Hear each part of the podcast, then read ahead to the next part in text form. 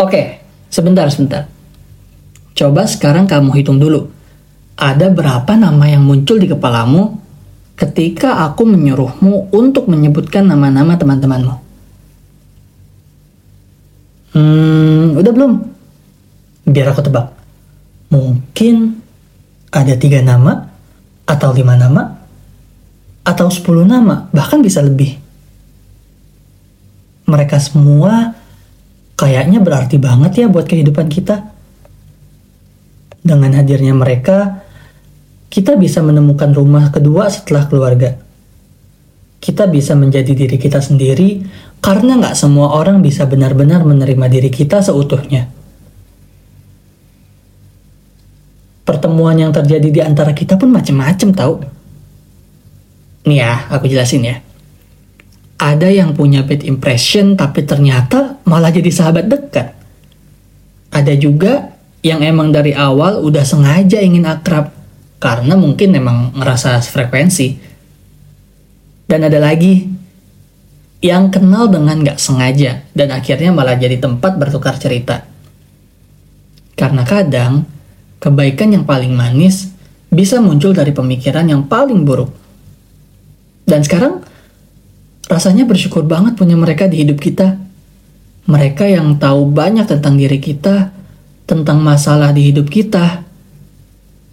Ya, walaupun nggak semuanya, maksudnya nggak semua masalah. Karena beberapa orang memilih untuk tidak menceritakan semuanya dengan alasan privasi. Tapi tetap saja, peran mereka sangat membantu di dalam kehidupan kita. Kadang aku sampai mikir kayak, kalau aku nggak ada di tempat yang sekarang, kira-kira aku bakal ketemu mereka juga nggak ya? Kalau aku nggak ada di tempat yang sekarang, apakah akan ada mereka di diri orang lain?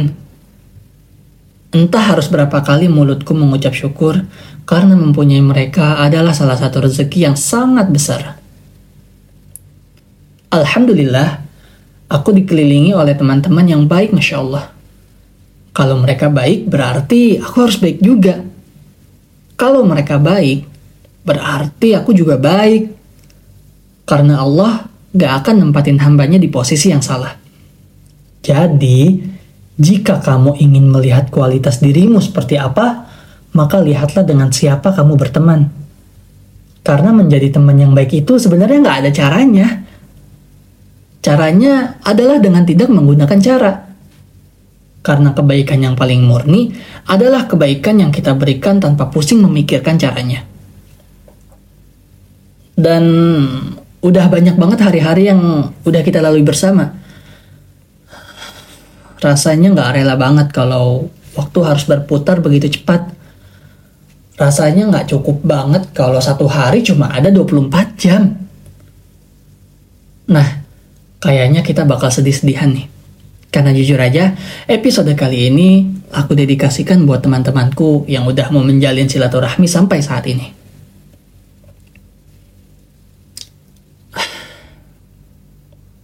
Kadang aku ngerasa takut. Takut kehilangan mereka. Takut gak bisa mengulang momen-momen bahagia yang udah kita lalui bersama.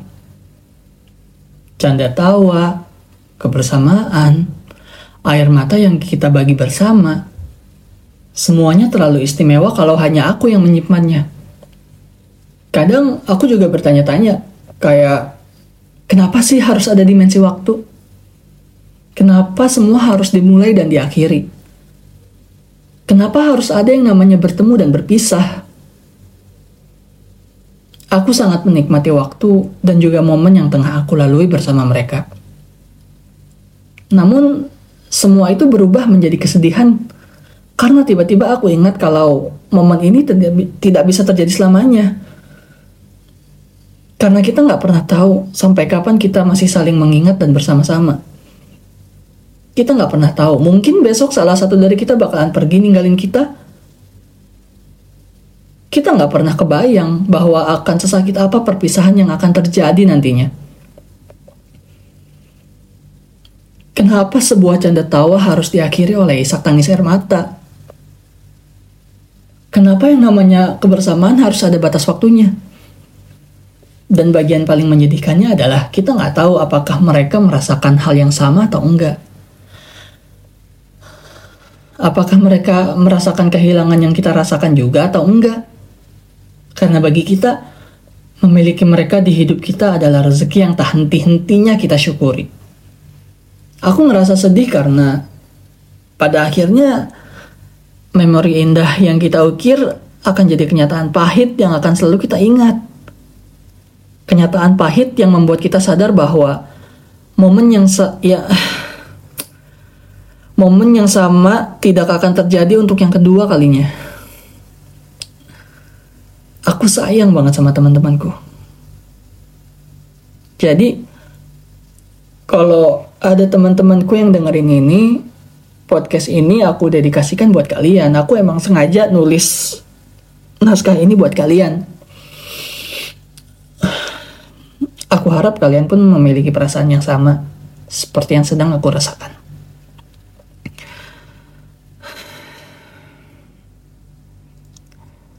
Aku hanya bisa berharap dan berdoa. Semoga pertemanan kita nggak cuma di dunia aja. Semoga pertemanan kita ya sampai surga nanti. Di surga nanti, kalau kamu nggak ngelihat aku, tolong cari aku ya. Tolong tanya ke Allah aku ada di mana.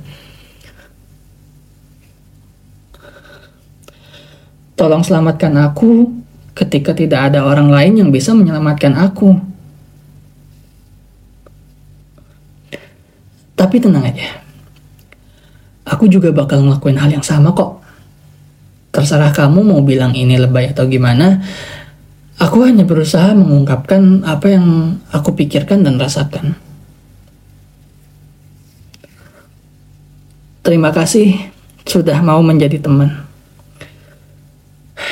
Terima kasih sudah mau mendengarkan.